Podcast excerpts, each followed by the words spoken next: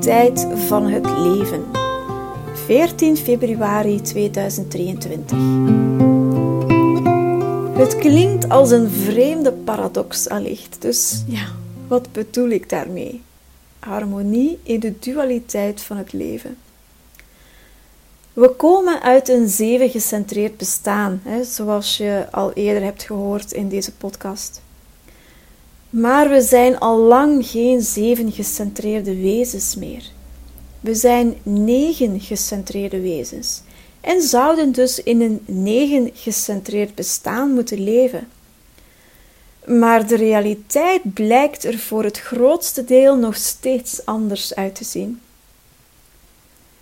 Het huidige 400-jarige tijdperk loopt dan wel op zijn einde, maar nog steeds heerst de ajna als belangrijkste centrum in onze samenleving.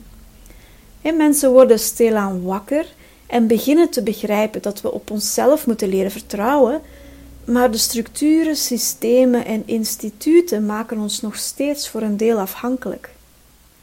Er is dus veel wil, maar het lukt niet altijd even goed. En dat zie je ook weer spiegeld in het volgende fenomeen.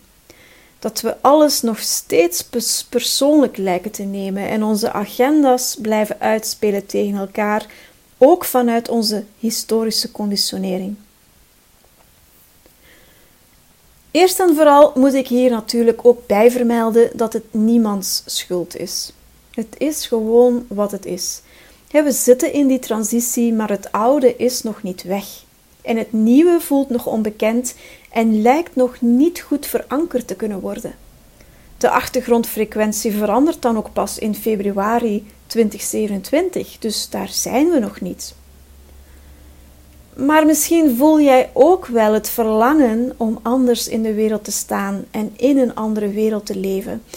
Veel mensen voelen dat er iets staat te veranderen of dat de verandering al in volle gang is. Dus het lijkt alsof we het bijna kunnen aanraken en dat creëert allicht veel verwachting. En toch merken we ook dat we nog steeds in de oude valkuilen trappen, alsof we datgene wat nieuw is nog niet echt kunnen vasthouden. Het lijkt wel een dans van wakker worden en terug in slaap vallen, van het nieuwe omarmen en weer terugvallen op het oude, van het zich herinneren en weer vergeten. Dat is allicht ook de aard van het leven, die dans. Dat opkomen en vallen van de golven, het yin en yang. We zijn er allemaal aan onderhevig en daarom is het niemands schuld als we het weer even vergeten en in onze oude patronen terugvallen. Het is gewoon wat er gebeurt. Het is wat het is. En ik wil dan even dit specifieke patroon belichten, iets wat we allicht allemaal doen, al zijn we er ons niet altijd van bewust. De strategische geest, de linksheid van de geest, waarin we allemaal geconditioneerd zijn omwille van de tijdsgeest van deze ja, 400-jarige periode, speelt voortdurend een agenda uit. Het wil voortdurend van die druk af die via het hoofd, het ajna-centrum binnenkomt. En het maakt niet uit of je die centra gedefinieerd hebt of niet. Het valt me steeds vaker op hoe makkelijk ik iets persoonlijk opneem, hè, wat iemand anders heeft gezegd, of hoe ik me voel in een bepaalde situatie. Het lijkt alsof mijn geest altijd op zoek is naar de agenda van de ander. Hè, wat is diens strategie? En wat is de mijne? En ik merk ook op dat anderen daar heel snel last van kunnen hebben. En wat ik zeg als persoonlijk opvatten. En het is niet zo dat we altijd door elkaar bewust geraakt worden, maar dat we eigenlijk als in een automatisme iets op onszelf gaan betrekken, terwijl de ander dat allicht niet zo bedoelt. De geest lijkt dus voortdurend op zoek naar gelijkgestemdheid om zich comfortabel te kunnen voelen. En als iemand schijnbaar niet denkt zoals wij, of de dingen anders ervaart, dan komt er een soort frictie waardoor de geest strategieën gaat bedenken om dat te counteren. Het kan erg ongemakkelijk worden wanneer er niet onmiddellijk resolutie komt, of wanneer er geen harmonie gevonden kan worden, of wanneer je de conversatie niet kan winnen.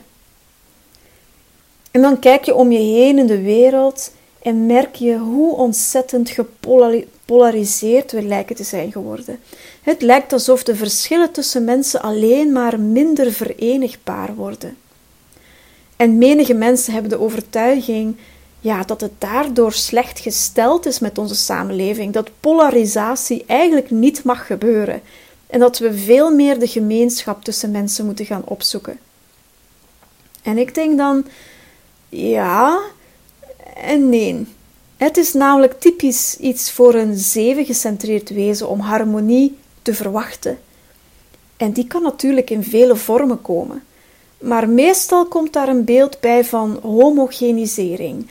Alle neuzen in dezelfde richting. Iedereen voor hetzelfde doel. Iedereen om zelf dezelfde morale normen en waarden.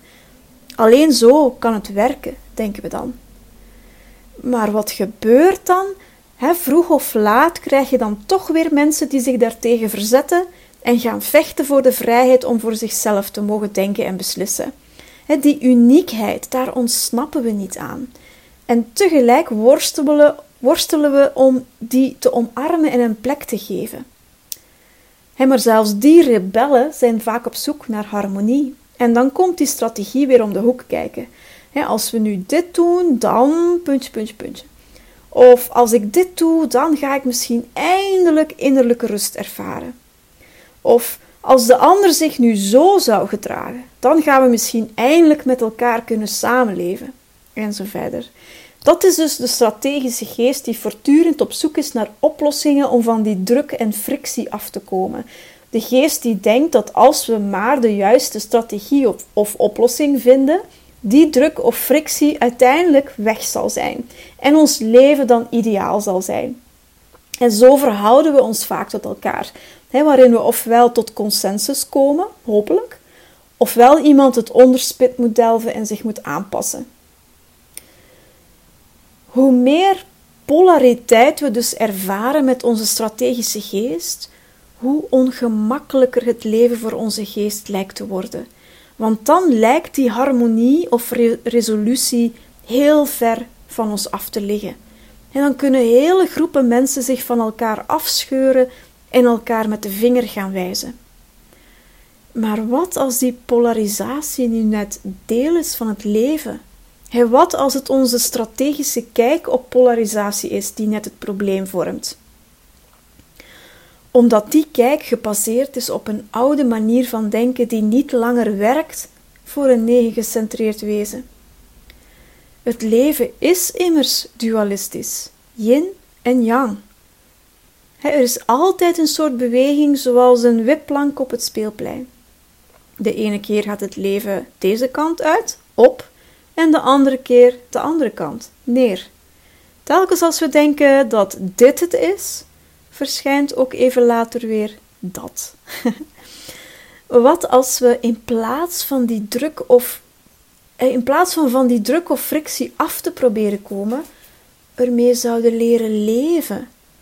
Wat als net die harmonie waar we zo naar verlangen, daar te vinden is? Het klinkt een beetje als een vreemde paradox natuurlijk. maar het leven zit dan ook vol paradoxen. En hoe we het ook draaien of keren, de druk blijft. En de harmonie waar we zo hard naar verlangen, lijkt daardoor niet te vinden. want na elke periode waarin we harmonie ervaren, komt er dan weer een periode van frictie en polarisatie. En we blijven maar kanten kiezen en nog steeds komt die resolutie niet. En de kanten herenigen lijkt ook niet te lukken. Het is dus eigen aan het zevengecentreerd wezen met zijn strategische geest om alles op te delen in goed en kwaad, in een soort zwart-wit verhaal, in een ofwel slagen we ofwel gaan we ten onder verhaal, alsof dat, dat het enige is wat mogelijk is. En dus werken we hard om te slagen of om het goede te laten winnen van het kwade. Het zevengecentreerde wezen was immers altijd op zoek naar zekerheden, dat is de aard van de niet-zelf Ashna. 49% van de wereldbevolking heeft dit centrum open. En dat is de druk die we altijd ervaren vanuit de Ashna. Maar zekerheden zijn er echter niet. De enige zekerheid die er is, zou je kunnen zeggen, is dat alles voortdurend verandert. Er is dus geen vaste waarde die we kunnen bereiken, zoals innerlijke rust of succes of welvaart, in de zin van dat we dat dan bereiken en eindelijk voorgoed achterover kunnen leunen.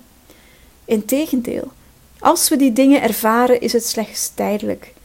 Het leven is immers niet iets wat we moeten oplossen of naar een eindresultaat kunnen brengen. Het is veel eer, vooral voor de geest, een chaotisch en oncontroleerbaar proces. Dus polariteit zal er altijd zijn. Het verhaaltje dat we ooit in harmonie gaan leven, hè, zoals veel New Age bewegingen en spirituele stromingen ons willen voorhouden, is slechts een verhaaltje. Het is voor veel mensen dan ook vaak een vlucht of een afleiding van de realiteit. En toch lijkt harmonie mogelijk, maar we zoeken het op de verkeerde plaats. Er is immers een natuurlijke harmonie in de polariteit of dualiteit door, dingen te vinden. En namelijk dat alles voortdurend in beweging is.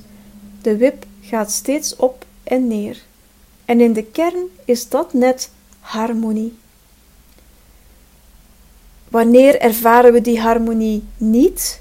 Wel, als we geloven dat één kant van de wip de juiste kant is en bereikt of vastgezet moet worden, dan ga je als het ware tegen de natuur in.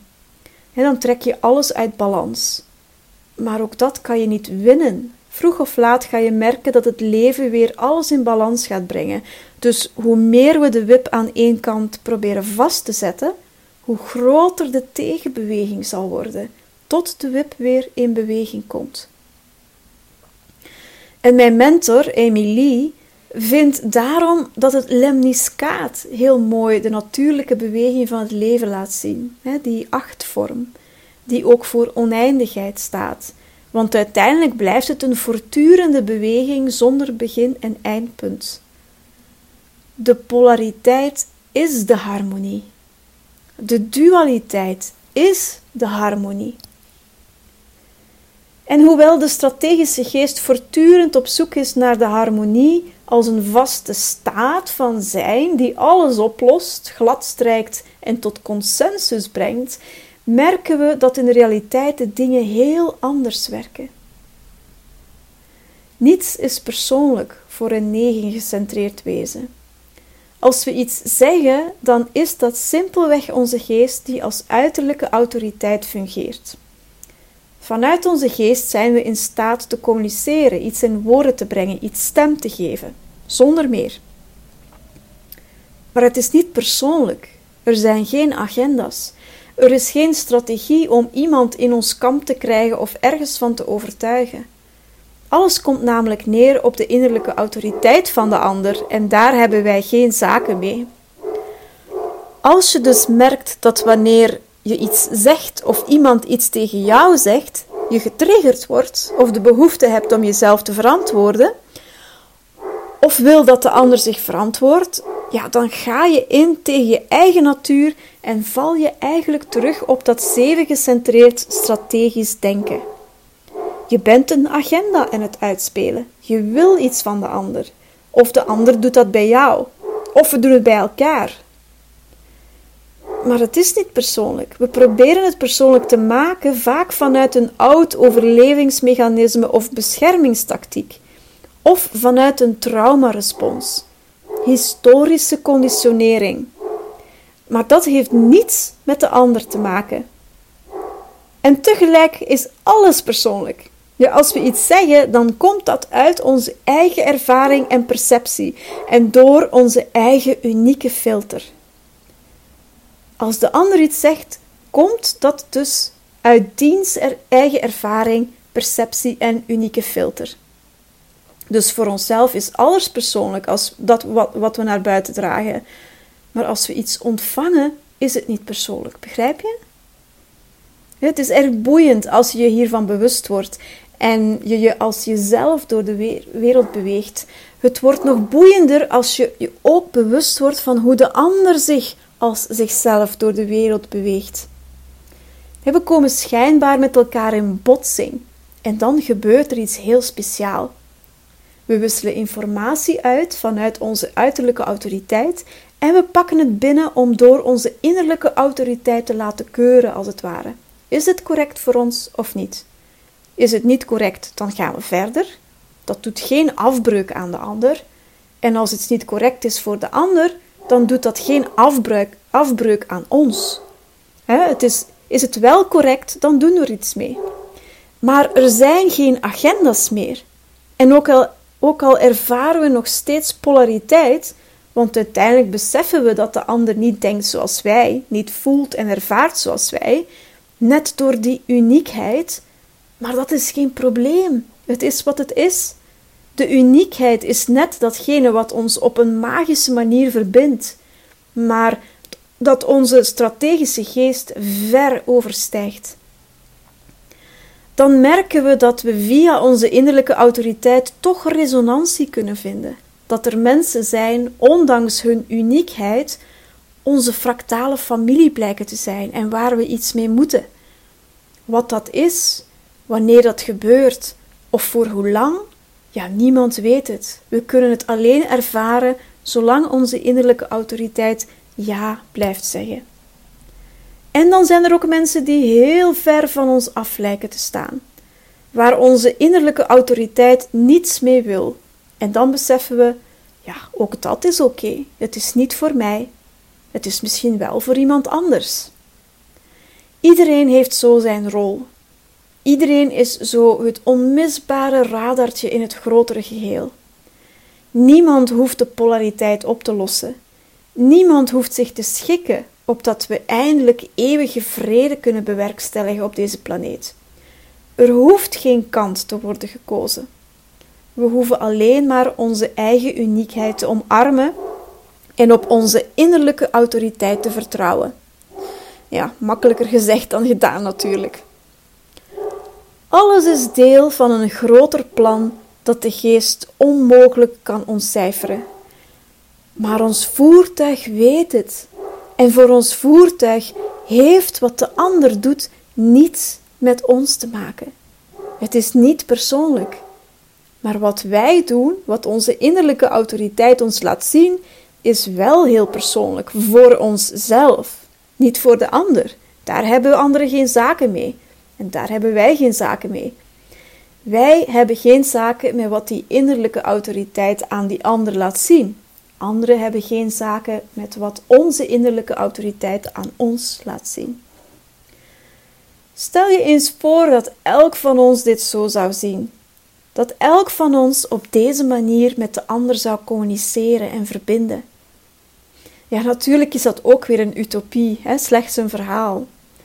Maar vanuit human design en het eren van onze innerlijke autoriteit kunnen we het voor onszelf wel zo ervaren. En dan merken we ook al snel op waar onze conditionering ligt, wanneer we opeens toch weer in de reactiviteit gaan, of een agenda gaan uitspelen, of het gesprek proberen te winnen. Dat is dan weer de dans. Het is ook een dans tussen evolutie van ons bewustzijn en de integratie involutie daarvan. Er zijn geen shortcuts. We zijn allemaal deel van een veel groter programma, eentje waar de geest geen vat op heeft. Op en neer gaat de wip. Alles blijft in beweging.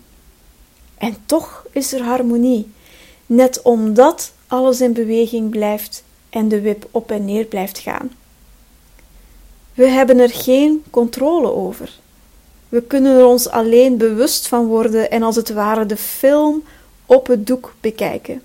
En genieten van wat er gebeurt. Ja, alhoewel sommige momenten niet genietbaar lijken, dus Ra zegt het dan zo. De film is voor entertainment. Laat jezelf vermaken door wat je ziet. Ik kijk bijvoorbeeld graag bepaalde horrorfilms. Niet van de bloederige soort, maar van de paranormale en psychologische soort. Het is entertainend, maar er is ook spanning en er lopen dingen mis. En soms is het einde niet wat ik verwacht. Met andere woorden, het is niet altijd leuk of comfortabel om daarnaar te kijken. Maar toch is het entertainend. Het doet iets met mij. Het doet me voelen. Het brengt energie in beweging. En er gebeurt van alles. Dus ik kan ervan genieten. Ja, anders zou ik geen horrorfilms meer kijken. Hè? Het, is net, het, het is net in het jezelf overgeven aan het verhaal, zonder het te willen sturen of veranderen, dat het genieten komt. Een ander voorbeeld. Mijn man en ik zijn onlangs naar de Notenkraker gaan kijken, een klassiek ballet van Tchaikovsky. En in de pauze vroeg mijn man wat ik ervan vond. En ik noemde een heleboel fouten op die ik had gezien en gehoord. Ik ben van opleiding ook klassiek muzikante. Hoe kan jij nog van zoiets genieten als je voortdurend op die fouten gefocust bent? riep hij dan uit. Dus in zijn ogen kon hij daardoor niet zien dat ik eigenlijk best genoot van zo'n voorstelling. Want voor hem zou dat niet te genieten zijn, namelijk. Hij is net blij dat hij dat allemaal niet opmerkt. Maar ik, ja, ik ben nu eenmaal zo bedraad. Hè. Mijn poort 18 in mijn bewuste zon spoort voortdurend fout op. Zoals een instrument dat niet goed gestemd is, of een muzikant die een foute of valse noot speelt, of een danser die niet synchroon danst met de anderen. En zo kan ik een optreden behoorlijk verpesten voor een ander. Maar voor mij, voor mij is dat genieten. En in het moment dat de valse noot wordt gespeeld, geniet ik natuurlijk niet echt. Het kan ronduit pijnlijk of misselijkmakend zijn, maar het is wel entertainend. Het heeft, het heeft iets bewogen in mij. Het heeft iets wakker gemaakt in mij. Ik ben dan exact wie ik hoor te zijn. Degene die het opmerkt, degene die de fouten eruit haalt. En dat is heel erg genietbaar. Maar ik kan natuurlijk niet verwachten dat iedereen dat hoort of opmerkt, of dat dat dan moet verbeterd worden, of ik moet mijn geld terug. Ja, zo werkt het niet. wat ik ervaar is voor mij persoonlijk en wat de ander daarmee doet is niet voor mij persoonlijk. Dat is voor de ander. Dus het is ook belangrijk dat ik me bewust ben met wie ik het kan delen. Niet met iedereen dus. Daar gebruik ik mijn strategie en autoriteit voor. Mijn innerlijke autoriteit is voor mij. De innerlijke autoriteit van de ander is voor de ander. En ook al komen onze uiterlijke autoriteiten met elkaar in aanraking, doordat we interactie aangaan, communiceren en met elkaar in botsing komen, dat verandert niets aan de zaak. En ik vind het best bijzonder om dankzij Human Design de wereld op deze manier te mogen aanschouwen en beleven.